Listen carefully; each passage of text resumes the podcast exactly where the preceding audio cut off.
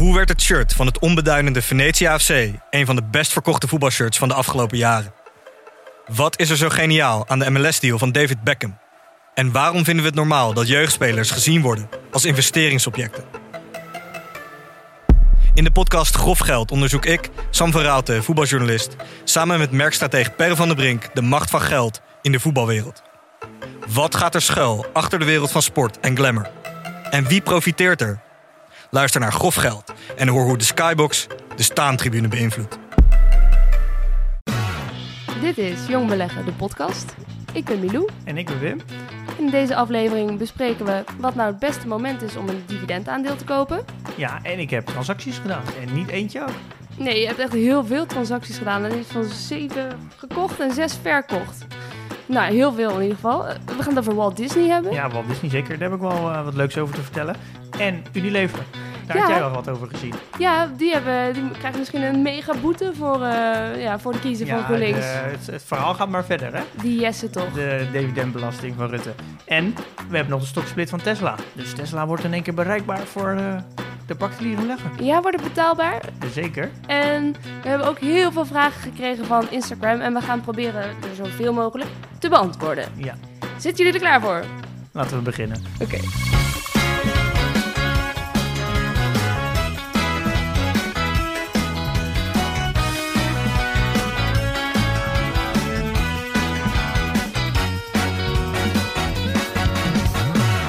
Hoe gaat het? Ik zag dat je een hele reorganisatie in je aandelenportefeuille hebt gedaan. Nou, nou, zo overdreven is het niet. Ik heb een aantal aandelen verkocht. En ik heb een aantal aandelen gekocht. Ja, Ehm, en ik had al eerder verteld dat ik mijn aantal holdings wilde verkleinen. Ik vind dat ik het te veel heb. En ik heb eigenlijk ook te veel spreiding. Dus ik wil eh, een aantal holdings verlagen.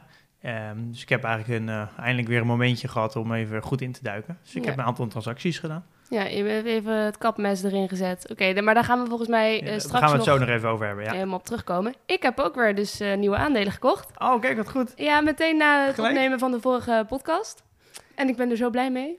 Ja, want het goed. gaat als een trein. Oh. Ik heb vandaag nog niet gekeken, maar gisteren stond ik op 25 euro winst totaal. Het record tot nu toe. Oh, kijk, wat goed. Of hoe jij dat noemt, een ATH'tje. ATH'tje, ja. Nou, maar je hebt volgens mij 1000 euro erin zitten.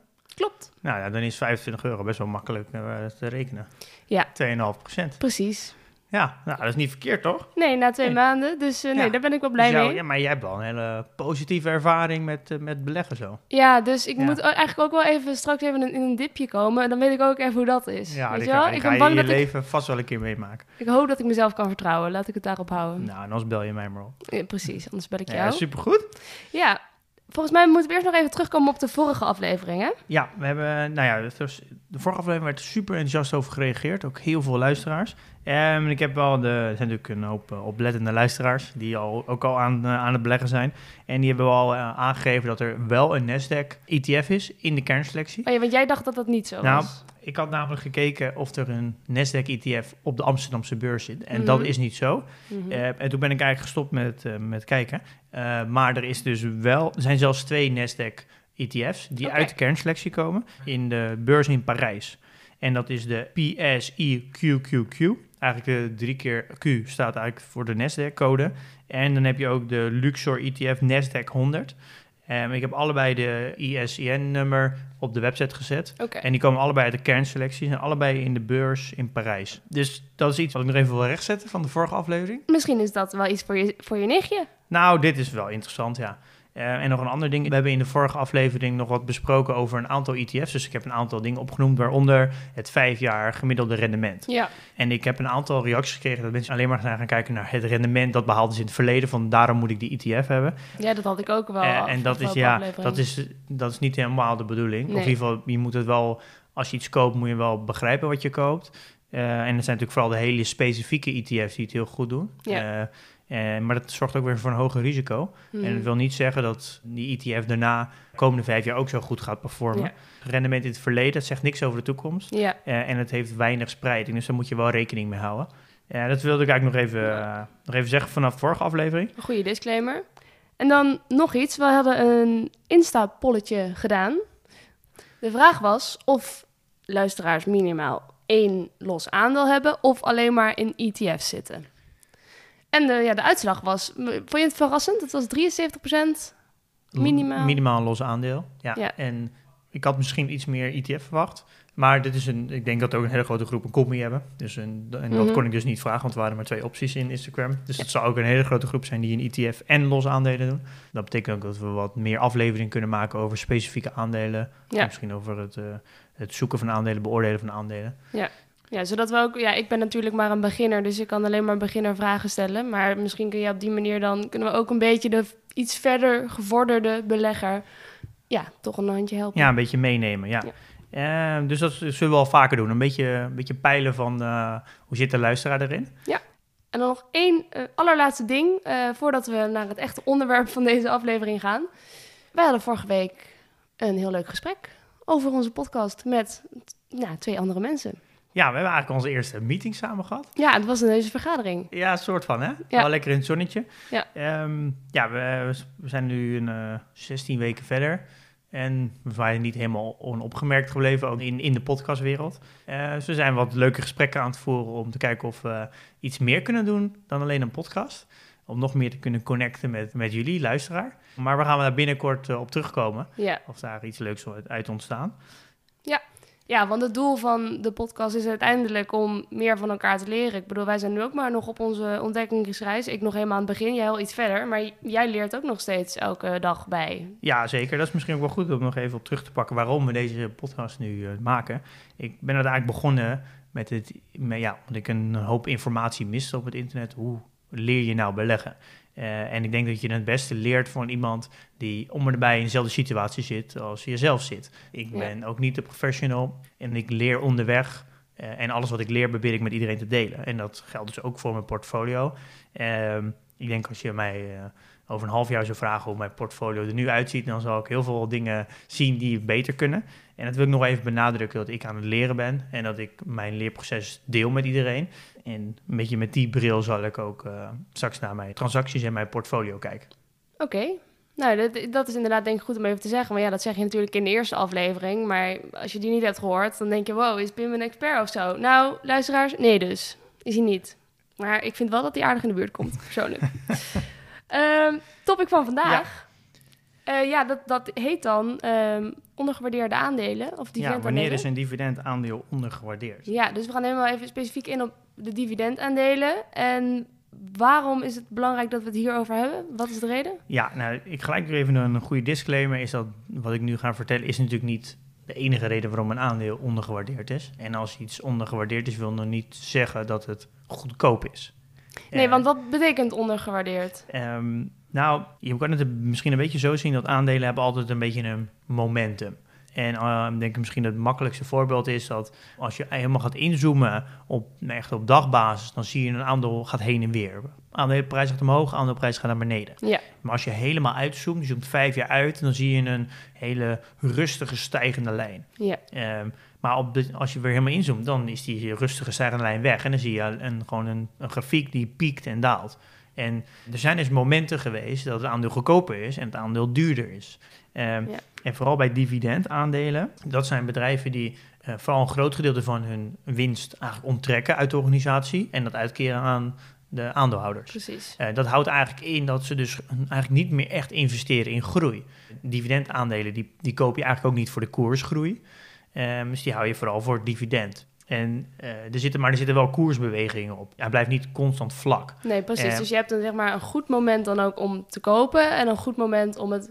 Ik denk dat het goed is om heel even te zeggen waarom het belangrijk is dat we het hierover hebben. Want het gaat er namelijk om dat we leren om op een goed moment te kopen. Waar je aan kan zien dat het een goed moment is om te Ja. kopen. Nou kijk, en ik gebruik dit zelf eigenlijk met... Ik heb zelf een watchlist en ik heb zelf natuurlijk een aantal holdings. Dus ik heb in dit geval, nu heb ik 36 dividendaandelen. Nou, die dividendaandelen, die, die bezit ik. En als ik dus nieuw eh, geld erin steek, dan wil ik het liefst dat stoppen in mijn huidige holdings. Nou, van Ja. die 36 holdings wil ik eigenlijk eh, het geld insteken welk aandeel op dat moment het goedkoopste is eigenlijk. Het meest ondergewaardeerd. voordelig, Ja. het meest voordelig om te kopen. Ja, ja. je wil natuurlijk aandelen, eh, als, omdat de aandeelprijs toch heen en weer gaat, wil je natuurlijk beneden kopen, niet in de piek. Precies. Nou, Maar dat is dus anders dan een ETF. Want ik moet gewoon begin van de maand elke keer kopen, heel geregeld. Ja, En je zegt nu, bij een aandeel is het wel handig om te kijken wanneer die laag is. Ja, bij een, Voor aan, bij, bij een, ik zou als je bij een dividendaandelen zou ik dat wel doen, ja. Als je die zegt, als je 36 aandelen hebt en je zou ze alle willen kopen en je kan, koopt er maar twee per maand,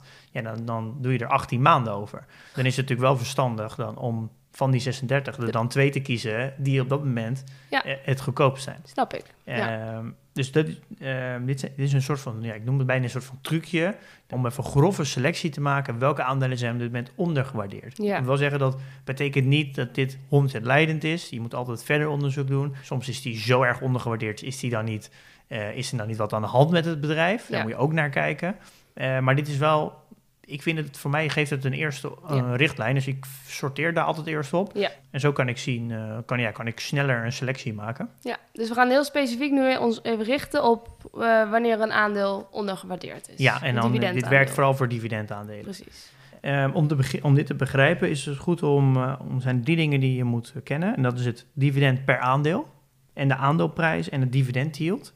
Dat zijn de drie dingen, ja. De drie dingen. Nou, bijvoorbeeld een, eh, we bedenken even een aandeel, daar wordt 1 euro dividend per jaar uitgekeerd. En een aandeel kost 20 euro. Eh, nou, meestal wordt het dividend per kwartaal uitgekeerd, dus dan zal je eh, 25 cent per kwartaal krijgen. Maar op jaarbasis, als je het aandeel bezit, krijg je een euro. Ja. Je koopt dat aandeel voor 20 euro. Nou, als je het een jaar bezit, heb je 1 euro aan dividend ontvangen. Dan heb je dus een, een dividend yield gehad van 5%. Dus als je Mhm. het aandeel een jaar bezit, heb je 5% rendement op je vermogen. Precies.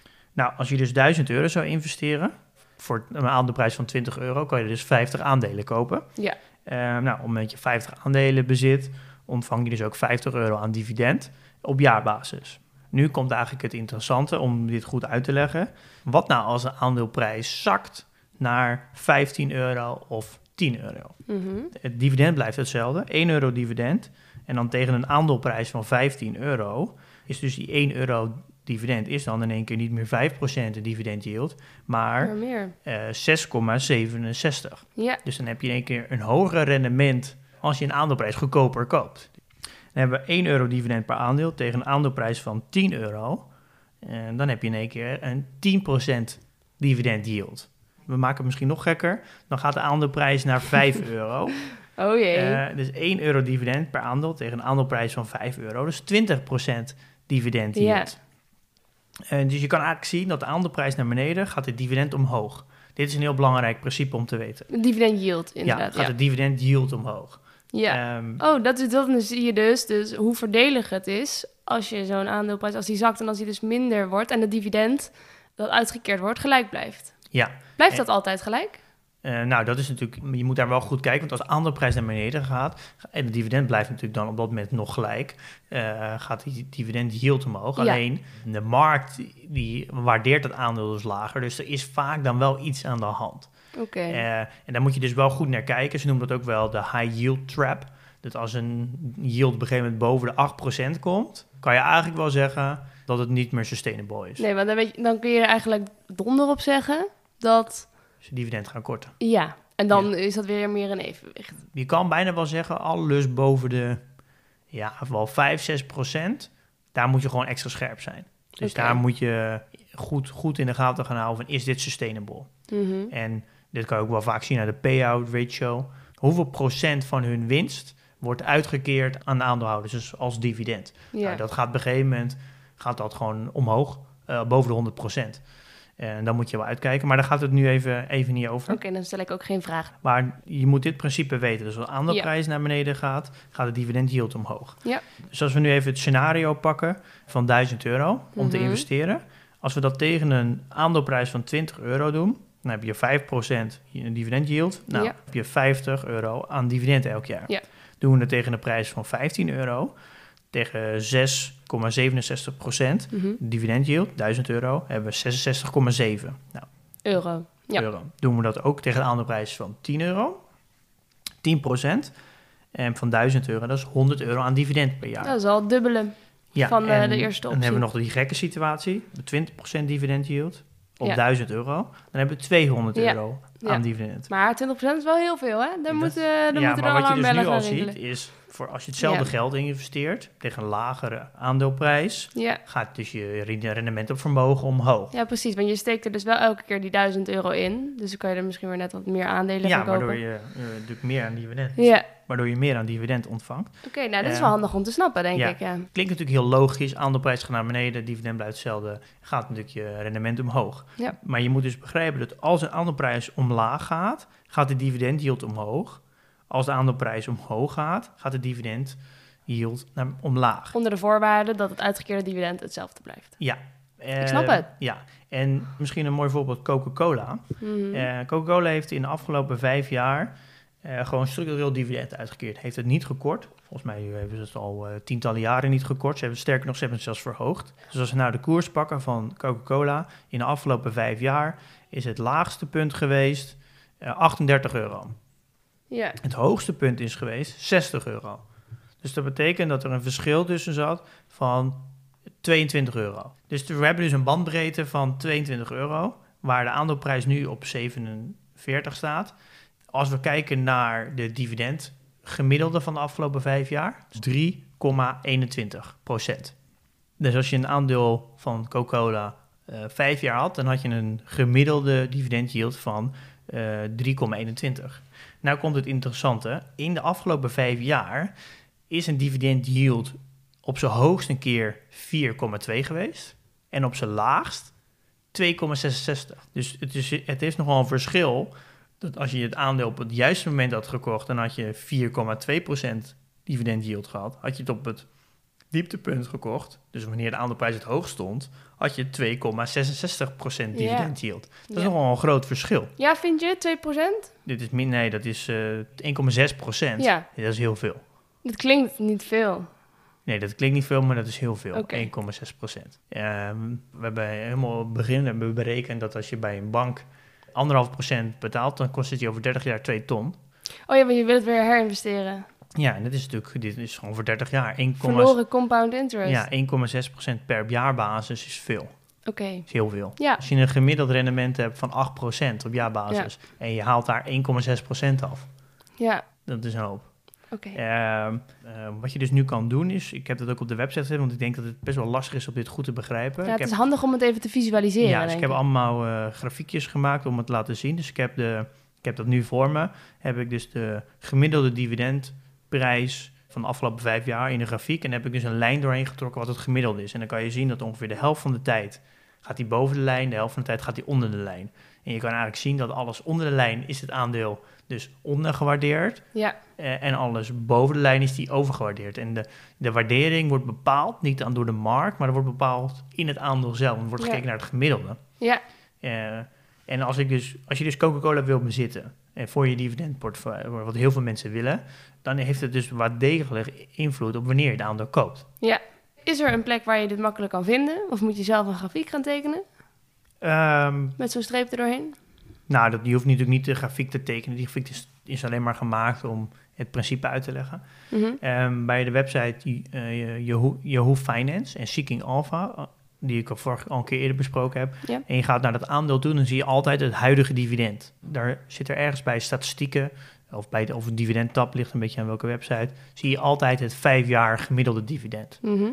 Dat is al een heel simpele manier om daar naar te kijken. Kijk naar die twee cijfers en als het huidige dividend yield hoger is dan de vijf jaar gemiddelde, eh, dan is die ondergewaardeerd. Oh, precies. Ja. En dit werkt vooral goed voor bedrijven die structureel dividend uitkeren. Ehm, zo kan je een beetje het momentum kijken. En wat nog een andere manier is, dat is een soort van extraatje nog. Dat is de PE-ratio vergelijken. Oh, die klinkt bekend. En ja, die hebben we al eens eerder besproken. En dat is ook een beetje te kijken of iets ondergewaardeerd is. Dus dan kijk je naar een concurrent, kijk je wat de PE-ratio, dus de koers-winstverhouding is. En als dat veel lager is dan de concurrent, dan kan je ook wel zien van... hé, hey, het is misschien eh, iets ondergewaardeerd vergeleken met de concurrent. Oké. Ehm, Heb je nog vragen hierover? Nou, ik vind het eigenlijk heel leuk om je te vertellen dat ik het volgens mij helemaal snap. Dus ik heb daar geen vragen verder over. Nee. Vind jij dat ik nog iets zou moeten vragen? Ehm, nee, volgens mij is het wel, wel duidelijk. Eh, ik denk dat je dit gewoon zo, als je dividendaandelen ehm, wil bezitten of al bezit, is het, is het goed om gewoon een keer zelf naar te kijken. Ik ga even naar de website toe, zie even de grafiekjes, dan wordt het wat duidelijker. Ja, dat Eh, helpt. En ja, ga bijvoorbeeld zelf even kijken naar Coca-Cola of naar McDonald's, een beetje de stabiele dividendbedrijven. En kijk even hoe dat zich, eh, zich verhoudt. Ja. Eh, Ja. Nee, dus nou goed uitgelegd. Kunnen we naar het nieuws? Ja? Er is weer nieuws over TikTok. Ja, en waarom ik, ik met TikTok even wil bespreken, is dat het niet zozeer gaat over TikTok aan zich. TikTok is geen beursgenoteerd bedrijf. Alleen, het is natuurlijk wel een hele kwalijke zaak dat een president die zich überhaupt gaat bemoeien met specifieke bedrijven. Dat is natuurlijk sowieso al slecht. En Ja, want dan heb je het over Trump, die nu TikTok daadwerkelijk heeft verboden, hè? Ja, die Eh, heeft volgens mij een, eh, binnen nu 35 dagen moet het, eh, mag het niet meer actief zijn Ja. in eh, Amerika. Heb je ook zo'n medelijden met al die tieners die nu niet meer weten wat ze met hun vrije tijd moeten? Nou, er komt vast wel een concurrent hoor. Facebook heeft al een TikTok-variant gelanceerd, eh, Reels. En er is wel wat van te zeggen, omdat natuurlijk Facebook en Google mogen ook niet op de Chinese markt. Ja, dat is natuurlijk wel vrij oneerlijk. Dat wist ik niet. Dat, dat ze, ze mogen daar niet Ja, Facebooken. het is eigenlijk een heel oneerlijk gecreëerd. Dat heel veel Amerikaanse bedrijven mogen niet China in. Nee. Eh, alleen eigenlijk je ziet, bijvoorbeeld Tesla mag wel, Apple mag wel, maar dat is hardware. Maar alles wat software is, dat mag niet Mm. van China. Dus eigenlijk alles waar je data mee kan vergaren, dat mag dus niet van Nee, China. dat snappen zij zelf En alles wat, goed. alles wat hardware is mag wel. Maar alle Chinese partijen, die mogen wel actief zijn in Amerika. Ja, dit is, geeft wel, denk ik, voor de, vooral de grote technologiebedrijven echt onwijs hoop onzekerheid. Want 15% van de omzet van Apple komt uit China. Ja. Eh, dit kan zomaar zijn dat als TikTok echt verbannen wordt en ook misschien wat andere, eh, bijvoorbeeld Tencent of met WeChat en nog misschien wat andere grote partijen, eh, Alibaba, eh, dan kan China zomaar zeggen, ja, dan moeten Apple eh, en Tesla en dan Microsoft ook allemaal uit China. Ja. Ja, dan dat heeft echt hele grote gevolgen voor, eh, voor de, de winst en de omzet van die grote bedrijven. Dus het is weer een nieuwe wending in de handelsoorlog. Ja, en het gaat over nu één specifiek bedrijf, maar dit, ja. Ja. dit gaat natuurlijk uiteindelijk over, over eh, het zet iets in gang, misschien ja. wel wat we helemaal niet En- moeten willen nee. Nou ja, het is een, eh, als aandeelhouders. Het kan wel een grote beweging in gang zetten. En het is aan de ene kant wel iets van te zeggen. En ik snap wel dat Trump daar volle bak tegen ingaat. Alleen dit zorgt wel eh, voor heel veel onrust. Ik, ik denk dat je dit wel kan zien als je grootste risico voor, voor technologie, denk ik. Verkopen! Dus, nou, is iets wel om in de gaten te houden. Ja, oké. Ehm, nog even over een ander technologie stukje. We hebben het vorige keer over Apple gehad. En die Ja, met die stoksplit? stoksplit. Tesla gaat dit ook doen. Ik denk Ah. dat heel veel luisteraars hier blij mee zijn. Want ik Oh heb heel vaak te horen gekregen van Tesla is zo duur, wat kan ik doen? Want wat kost het eerst en wat kost het nu? Eh, eerst 1375 of zo, Ja. zeg 1400 euro. Ja. En het gaat nu eh, door vijf gedeeld worden. Dus je gaat nu naar een aandeelprijs op de huidige koers van 275. Dus dat wordt schappelijker. Ja. Eh, en het gaat gebeuren vanaf 1 september uit mijn hoofd. Oké, nou, zitten jullie klaar, luisteraars? Ehm, ja, als je graag Tesla wil bezitten en je hebt niet zo heel veel te besteden, dan is dit een moment om, eh, om straks Tesla-aandelen te kopen. Gaat het dan ook stormlopen op die aandelen, denk je, op eh, 1 september? En je maakt het gewoon toegankelijker voor, Voor meer voor meer mensen om, om het aandeel te kopen. Dus Ja. je vergroot je markt. Ehm, En ik zag ook nog eentje. Unilever, daar gaan ze misschien een boete geven als ze daadwerkelijk een hoofdkantoor verplaatsen. Leg even uit. nou ja, dit is volgens mij GroenLinks geweest die dit heeft Ja. geopperd. Dat was een Eh, idee. Ja, je, dit, is niet heel gek. Dit gebeurt in heel veel landen al. In Nederland is dit nog niet zo. Dus het lijkt nu erg alsof het eh, GroenLinks heeft iets, Ja. iets magisch bedacht. Ja, Nou, de dat- Jessias. Dat is natuurlijk niet zo.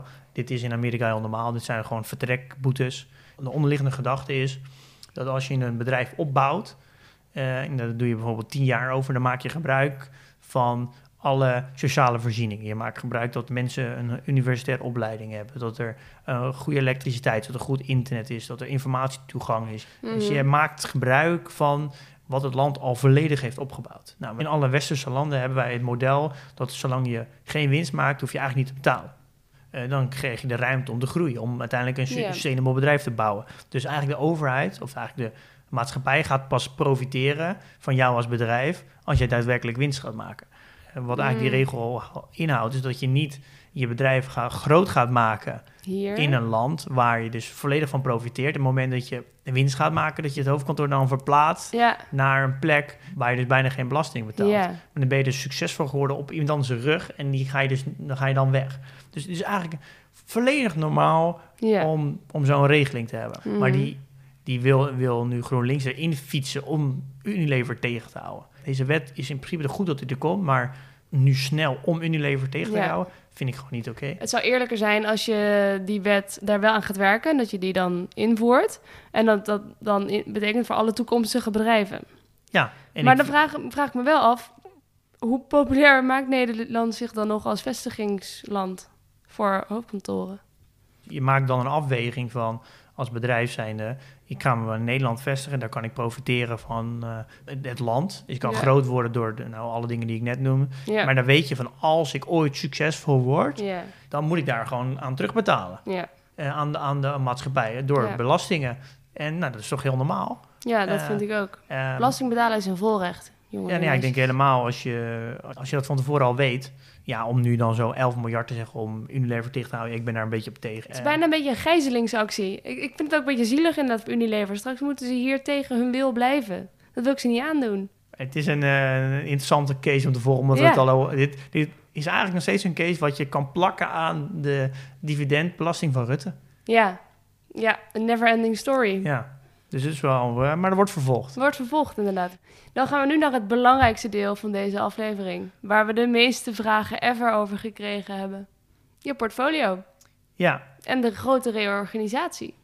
eh, ja laten Ja. we erheen gaan. Eh, Ja. ik heb wel best wel wat transacties gedaan. Nou, het lijkt heel veel. Ik heb er zes verkocht en Ja. zeven gekocht. Maar, maar, maar tijdenlang heb je geen transacties gedaan. En nu opeens de 6 plus 7 in een week. Ja, dat klopt. Ik had al eerder verteld dat ik het aantal holdings wilde terugbrengen. Dus ik was al een tijdje in de gaten, een beetje aan mijn portfolio door aan het gaan en af en toe wat aandelen aan het soort van renken.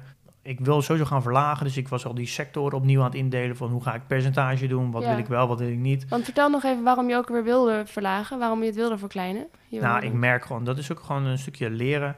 Ik vind ik, die quote van Warren Buffett, eigenlijk spreiding is een beetje voor de domme. Nou, Mhm. en niet zo letterlijk, maar eh, ja, ik begrijp dat wel goed. Het is ook gewoon, eh, als je dingen niet zo goed begrijpt, dan opereer je uit angst en dan ga je dus zoveel mogelijk spreiden. Ja, En ik merk gewoon nu dat, dat ik het steeds beter begin te begrijpen ja. en dat ik dus nu te veel spreiding meer een, een, iets negatiefs vind, omdat het daardoor moeilijker wordt om goed al die bedrijven die ik bezit in de gaten te houden. ja. Dus, Dus dat is eigenlijk de achterliggende reden dat je al die transacties nu gedaan hebt. Het stond al een tijdje op de planning. Je wilde je aantal holdings verkleinen. Ja, ik ben nog steeds niet meer klaar. Ik heb er nu 36 in Ja. mijn dividend. Dat vind ik nog steeds te veel. Oké. Dus dan ga ik nog steeds doorverlagen. Ja. Ehm, en wat ik dus eigenlijk doe, ik heb een aantal sectoren, of eigenlijk het type bedrijven wat ik gewoon niet wil. Ehm, ik wil bedrijven die een stabieler dividend hebben. Ja, ik wil gewoon eigenlijk geen dividendkorten meer hebben. Nee. Ehm, en ik wil eh, dus echt de groei, echt puur uit mijn groei aandelen halen. Ja. Dus ik wil de meer risicodividend aandelen eruit hebben. Ja, En een ander ding is dat ik eigenlijk, ik wil echt flink gaan afromen op grondstof gerelateerde bedrijven. ja maar Dus- daar hou je niet van, heb je al een paar keer Ja, verteld. en dus die wil ik er auto uit hebben. Oké. Ehm, Dus op basis van deze criteria ben jij, heb je de kam door je ja, portfolio eh, ja, en dan heb ik dus gewoon een eerste grove selectie gemaakt. En ik heb ook best wel wat verschil met een aantal honderd. heb ik gewoon een hele kleine positie in. Die komt gewoon onder de 1%. En dat vind ik gewoon veel te klein. Ja. Eh, dus die gaat er ook uit. Dus het gaat niet eens zo erg over wat er mis is met die bedrijven eh, specifiek. Of dat er ontwikkelingen zijn gebeurd waardoor jij het nodig vindt om ze te verkopen. Maar gewoon deze criteria voor jezelf. Ja. Of voor de outlook van jouw hele portfolio. Ja, maar er zijn wel, ik kan over alle bedrijven die ik verkocht heb wel wat vertellen. Waarom La- ik ze weg heb gedaan. Nou, laten we beginnen inderdaad met die je hebt verkocht. Nou, Axon Mobile. Nou, dat is een eh, energie, eh, het is net Shell, is maar dan Amerikaans. Eh, Nou, olie. Ja, wil ik er gewoon er wel een hele kleine positie in. Die payout ratio gaat over de 100% heen, volgens mij 200%. Ze lenen flink bij om dividend te kunnen betalen. Ja. Nou, Shell heeft besloten om dividend te lagen. BP heeft dividend verlaagd. Ja, gaat het ook doen. Binnen nu, in een, eh, verwacht ik in een jaar.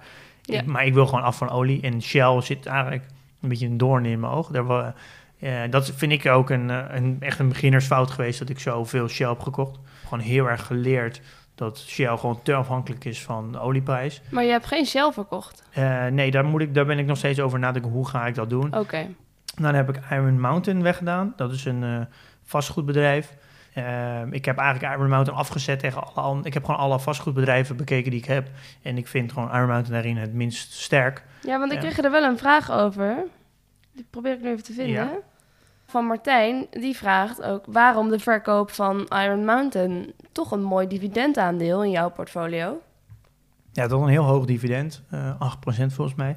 Ehm, dat is wel op zich wel normaal voor vastgoed. Alleen, ik heb wel een andere, aantal andere die, een vastgoedbedrijven die ook een hoge yield hebben. En ik vind dit gewoon het minst stabiele bedrijf.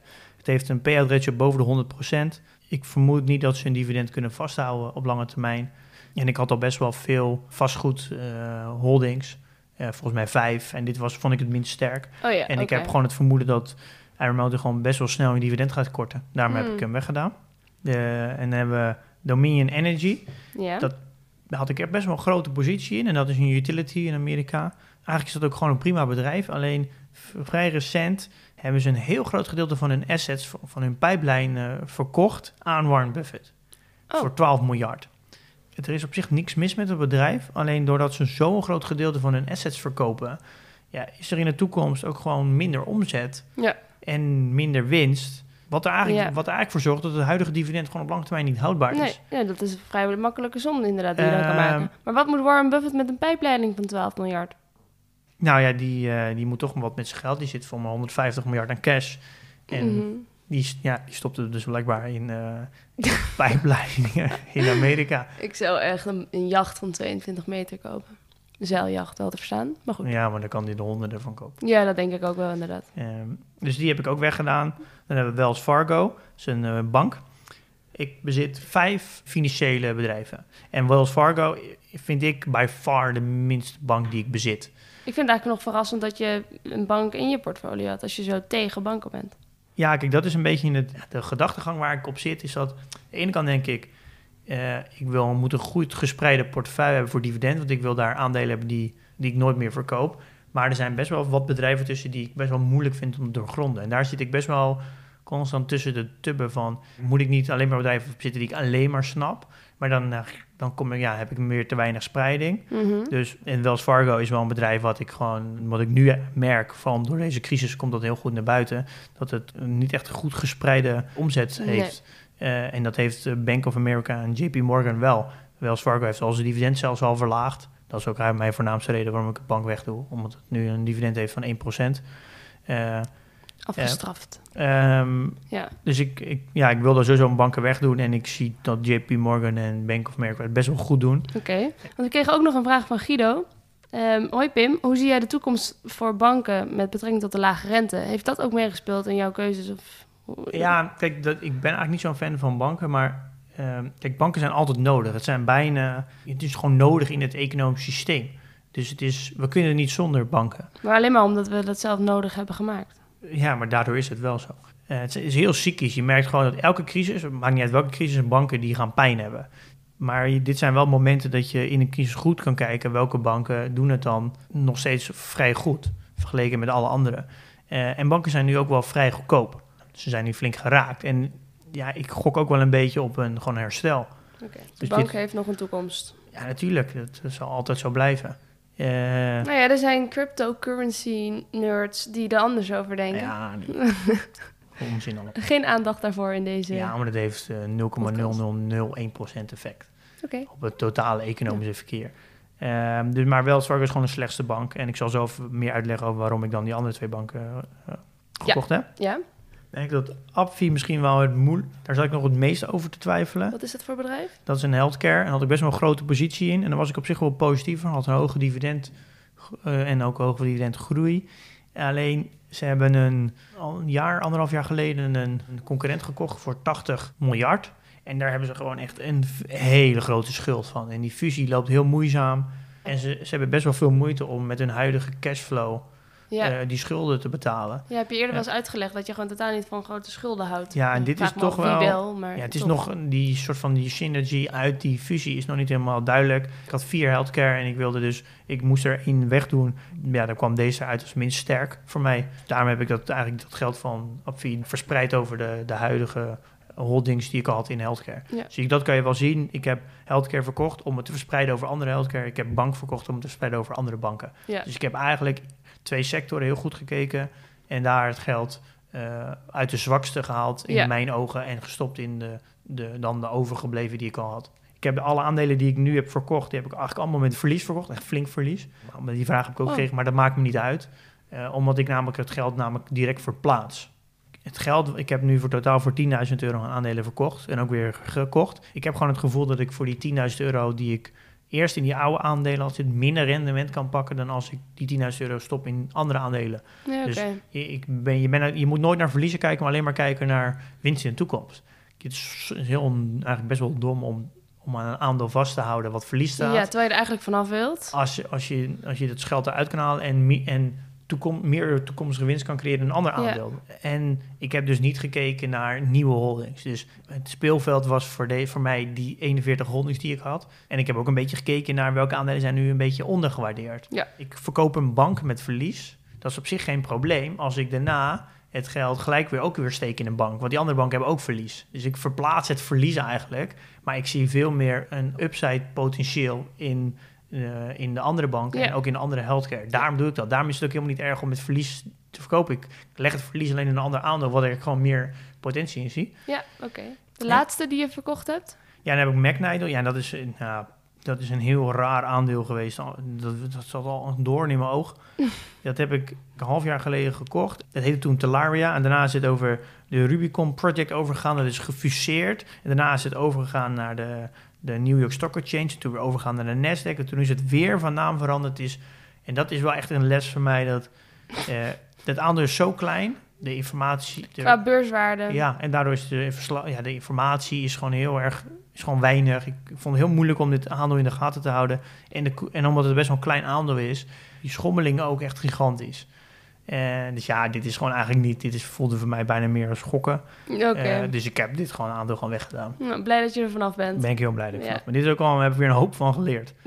maar ik vind het wel leuk om, om Om de, de, dynamiek erachter ja, eh, dus te ik vind zien. het wel. Ik heb wel dus. Ik vind het dus wel leuk om een aandeel te hebben wat een beetje echt zo'n echt zo'n groeier is, waar wel een beetje echt een high risk in zit. Dus ik, ik heb dat wel gestopt in een ander aandeel, wat in hetzelfde categorie valt. Want ik merk dat ik dat. Ja, ik vind het wel leuk om te leren. Om gelijk dat bruggetje te maken. Eh, en welk aandeel ik dat dan gestopt heb? Ik heb dat in Fastly gestopt. Daar heb ik eerder van gehoord. Ja, en dat is ook wel echt een aandeel dat, dat wel in dezelfde categorie valt. Heel erg high risk. Het, de koers, koersschommelingen zijn echt flink. Dus daar moet je wel echt heel goed mee uitkijken als je daarin belegt. Ja, je moet wel rekening houden dat je hier echt wel prima een, wel een groot gedeelte van je inleg kan verliezen. Mhm. Eh, dus doe dat altijd met een heel klein percentage. Want wat voor bedrijf is dit ook alweer? Fastly is een, een CDN-service. Nou, een CDN staat voor Content Delivery Network. Dit is dus een heel technisch bedrijf. En wat het eigenlijk doet, is... Nou, ze hebben bijvoorbeeld klanten TikTok, Airbnb, Spotify, Twitter, Pinterest en zo. Dus dat zijn grote bedrijven die data over de hele wereld hebben staan. Nou, neem bijvoorbeeld Spotify, is wel Ja. een mooi voorbeeld. Ehm, Spotify wordt over de hele wereld gebruikt. Maar het wordt gemaakt in Amerika. Dus de server met alle, alle liedjes, die staat in Amerika. Maar als iemand in Australië een nummer wil luisteren, dan wil je niet dat, dat je moet wachten. Dat je een paar seconden moet wachten dat hij dat die gaat bufferen. Ehm, maar dat moet je wel als die server in Amerika staat. Want dan moet je dus connectie maken met de server in Amerika om dat nummer op te halen. Nou, dat, dat duurt gewoon lang. Ja, Dan, dat is niet leuk. daar houden we niet van. Nee, nou, Fastly is zo'n bedrijf die ervoor zorgt dat alles instant werkt. En wat zij doen, eh, ze, hebben een, ze hebben een technologie waar ze eigenlijk een soort van kloon maken van de server in Amerika. Dus de soort van de hoofdserver. En die hebben servers over de hele wereld. Dus in Europa hebben ze er negen, in Afrika hebben ze er vijf. Nou, die zetten ze op alle servers in de wereld neer. Waardoor eh, als jij in Amsterdam eh, dus met Spotify luistert, dan connect je met de Fastly server in Amsterdam. Ja, En eh, waarom dit aandeel heel interessant is, vind ik, omdat het is opgericht door een developer. Nou, daar hou ik gewoon heel erg van, want die snapt gewoon het probleem, die snapt het bedrijf. Hij heeft nog 10% van zijn bedrijf in handen. Dus dat vind ik ook heel belangrijk. Dat, er dat is, hij nog iets ermee te maken wil hebben. Ja, dat hij dus nog steeds heel erg gelooft in zijn eigen bedrijf. Ja, En heel veel bedrijven, die hebben helemaal geen, geen capaciteit om zo'n netwerk zelf aan te leggen. Dus een beetje, je kan het een beetje vergelijken met Adyen. Die zorgen voor webshops voor betaling. Je kan Ja. als eigen bedrijf, als een heel groot bedrijf, kan je misschien je eigen betaling opzetten. ja. Ja, voor heel veel bedrijven is dat niet te doen. Nee, Eh, dus dat is, Fastly is eigenlijk een, kan je bijna zien als een infrastructuurbedrijf voor een digitaal bedrijf. Ze hebben niet de minste concurrent, want ze hebben ook Amazon en Google als concurrent. Dus ik denk namelijk ook, dat maakt het een ook best wel een interessante markt. Dus dat denk ik heel veel kleine spelers die gaan juist naar de Amazon en de Google toe. En weet je, de oude bedrijven zoals banken en zo. Maar de, de echt technologiebedrijven die ook heel veel data hebben, die willen helemaal niet bij eh, de Google of Microsoft of bij Amazon staan. Ja. Want die willen helemaal niet dat die bedrijven ook mogelijk inzicht hebben in jouw data. Dus dat maakt het ook wel weer interessant. Eh, dus het is, Fastly is wel een nieuwe speler. Eh, is nog relatief klein vergeleken met alle partijen, maar is technologisch best wel goed. En heeft daardoor heel veel groeipotentie. Maar daardoor wel meer risico. Ja. En er is in de afgelopen zes maanden van bezittende aandeelhouders heel veel aandelen gekocht. Dus dat noem je insider trading. Ehm, dus ze zijn, dat is heel positief. Dus dat betekent dat de huidige aandeelhouders heel veel aandelen extra kopen. Nou, dat vind ik altijd een heel goed signaal. Dat betekent Ja. dat ze heel veel vertrouwen hebben in het bedrijf. Ja, Ehm, en ze hebben tot bijna geen schulden. En ze hebben een hele hoge cashpositie waar ze minimaal vier jaar mee vooruit kunnen. Ehm, en ik heb ook nog, nog gekeken naar ehm, wat zeggen de werknemers over het bedrijf. En die zijn ook heel positief. Dus ja ze heeft een hele ze positieve, erin kopen. positieve cultuur. Ja. Eh, en de marges zijn heel hoog. Ze hebben 60% marge. Eh, ook al maken ze nu nog wel verlies, is dat ze die marge dus... Ze hebben natuurlijk heel veel operationele kosten en marketingkosten... maar als ze dat kunnen reduceren...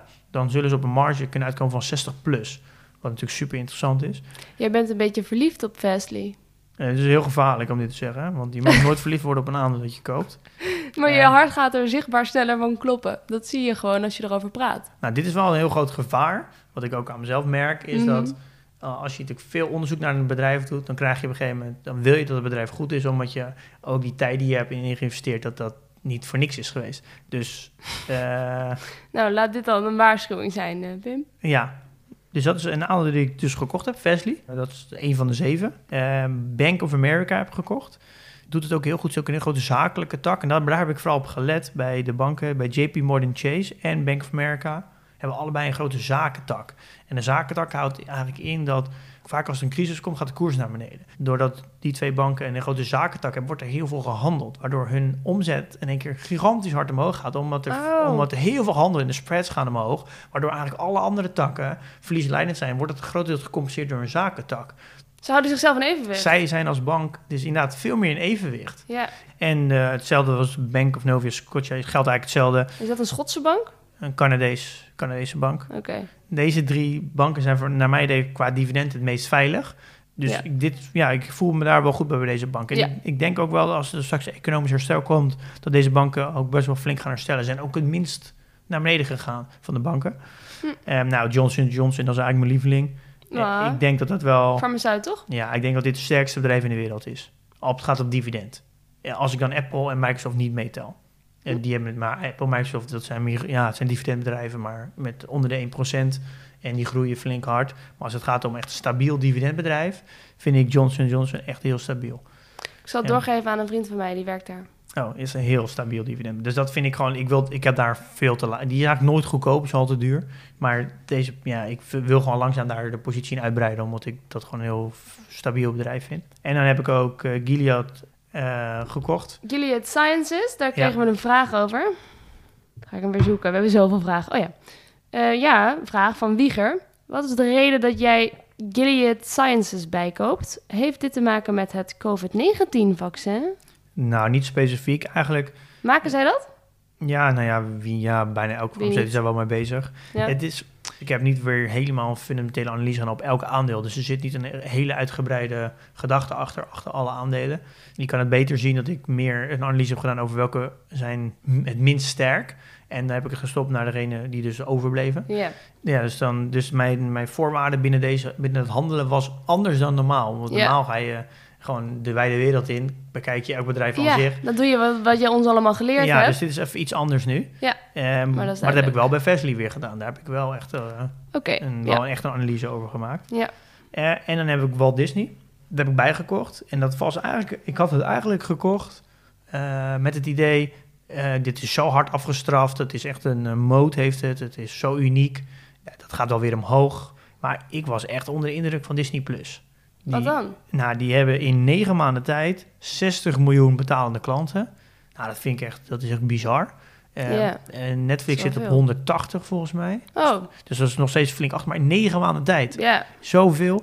Ja, En- het is gewoon heel leuk voor kinderen natuurlijk. Ik heb het een maand gehad, omdat ik dan even de Lion King kon kijken, die nieuwe. En ik denk, de wedstrijd van de streamingdiensten wordt uiteindelijk bepaald door de kwaliteit van de content. Kijk, ik denk dat de meest gehoorde klacht van Netflix is dat het allemaal oud, oud is. Een beetje mosterd naar de maaltijd. Ondertussen ben ik meer aan het browsen dan aan het kijken. Ja, Disney maakt gewoon unieke content en daar kan dat Netflix komt niet eens in de buurt van de kwaliteit van Disney. Echt, Hoe bedoel je? Qua... de goede films vind ik op, net, op Netflix, die zijn niet van Netflix. Die zijn ingekocht. En Ja. die staan dus ook op, eh, op Hulu, op eh, Ja. Prime. Die staan op alle andere. Die staan Ah, inge- bij Walt niet. Eh, maar Walt Disney, die maakt kwalitatieve film, echt goede films, Ja. die gewoon niet, die nergens anders zijn. Nu zijn ze met iets nieuws aan het testen en daar denk ik, ja, als dit aanslaat, dan hebben ze echt iets moois in handen. Ze hebben nu de nieuwe film Mulan. Ken je die? Ja. Die is al klaar. Maar ze, die zou uitgebracht worden in de bioscopen. Ja, door corona is dat eh, uitgesteld, uitgesteld. En ze hebben nu besloten, zijn nu een test aan het doen... dat iedereen die een Disney Plus-account heeft... eh, kan eenmalig 30 euro betalen... en mag die film thuis kijken. En Maar dat is, je gaat toch niet 30 euro betalen voor een film? ja, dat zou jij zeggen? Dus ik, ik zie hier iets heel in... Kan, dit kan een hele interessante ontwikkeling worden. Het kan zo zijn dat ze dus nu gewoon altijd de bioscopen gaan overslaan... En dat ze gewoon de allernieuwste Marvel-films, Pixar-films, Disney-films... gewoon direct gaan uitbrengen op Disney+. Plus. En dan moet je eenmalig 30 euro betalen... en dan mag je er onbeperkt kijken. Maar dan, maar dan sla je de hele bioscoop over. Dat, je, je gaat toch ook naar de bioscoop omdat het leuk is om even ergens heen te gaan? Nou, maar er zijn heel veel mensen die naar een bioscoop gaan... om de nieuwste films te zien. Dan denk je van Oh. alle Marvel-fans... Die, zitten, die gaan naar de bioscoop om de allernieuwste Marvel te zien. Mhm. Als je dus de nieuwste Marvel kan kopen voor 30 euro... en dan onbeperkt kan terugkijken... Dit vind ik heel... Dit, dit kan echt heel groot worden. En, Ja, en nou, snap- Netflix kan dit niet. Nee, nee, nee, nee. Ik snap wat je Als bedoelt, Netflix- maar tegelijk... Als Netflix gaat zeggen... We gaan, je moet nu betalen om een, eerste, om een Netflix-film te kijken... nou, dan, word je, dan worden ze uitgelachen. Eh, ik, heb gewoon wel, ik zie best wel eh, wat potentie in Disney. Oké. Dat is ook niet te kopiëren. Nee, Dus ik heb daar het eh, positie in verhoogd. Niet leuk. heel flink, maar ik heb dat in verhoogd. Dus ik zie daar wel... echt wel een aandeel voor de komende jaren. Go Disney. Ik ben vol hoor. Eh, nou, dat waren al mijn transacties. Heb je daar nog vragen over? is daar nog tijd voor? Ja. Eh, nee, ik, eh, nee, eigenlijk niet. Eh, ik denk dat we ook best wel veel vragen hebben beantwoord die we op de app hebben gekregen. Nee, dat is helder. Oké, nou mooi. Ik heb wel een apart een nieuwtje. Ik heb geen dividend ontvangen deze week. Wat dan? Nou, ik had natuurlijk al verteld dat ik deze maand, altijd de derde maand van een kwartaal, veel minder dividend ontvang. Omdat blijkbaar ja, alle holdings die ik heb, vallen de eerste en de tweede maand uitkeren en niet in de derde. En waardoor ik dus nu dus ook een week heb waar ik dus niks ontvang. Ehm, nou, dat kan natuurlijk gebeuren. Ja. Maar dit is wel iets, ja, dit is nu niet voor nu, maar als ik ooit ga leven van mijn dividenden, als dat, als dat ooit haalbaar is, dan moet ik dus wel bedrijven gaan zoeken die in de derde maand, maand gaan uitkeren. Want anders, Ja. heb ik altijd, eh, anders kom ik altijd de derde maand bij jou eten. Dat zou ik best gezellig vinden. Kan altijd, hè? Dat weet je. Ja. Ehm portfoliowaarde 152.400. ATH'tje. ATA'tje, ja. Eh, wel leuk om te zien. Ja. Nou, way to go. Eh, Pim, wil je het goede nieuws of het slechte nieuws? Doe eh, maar het slechte nieuws eerst. Volgende week hebben we geen aflevering. Oh. Maar het goede nieuws is, die week daarna zijn we er gewoon weer. Ja, oh, oké. Ja, we hebben, eh, klopt, we hebben geen aflevering. We hebben vakantie, hè? Ja. Ja, dus sorry luisteraars, we, we hebben ook vakantie. Ja, ja, zo gaan die dingen. Ja. Maar we komen gewoon weer terug, Ja, hè? donderdag 27 augustus zijn we er weer. Dan zijn we er weer. Dan zeggen wij tot dan, tot de volgende keer. Tot de volgende keer. Doei! Doei.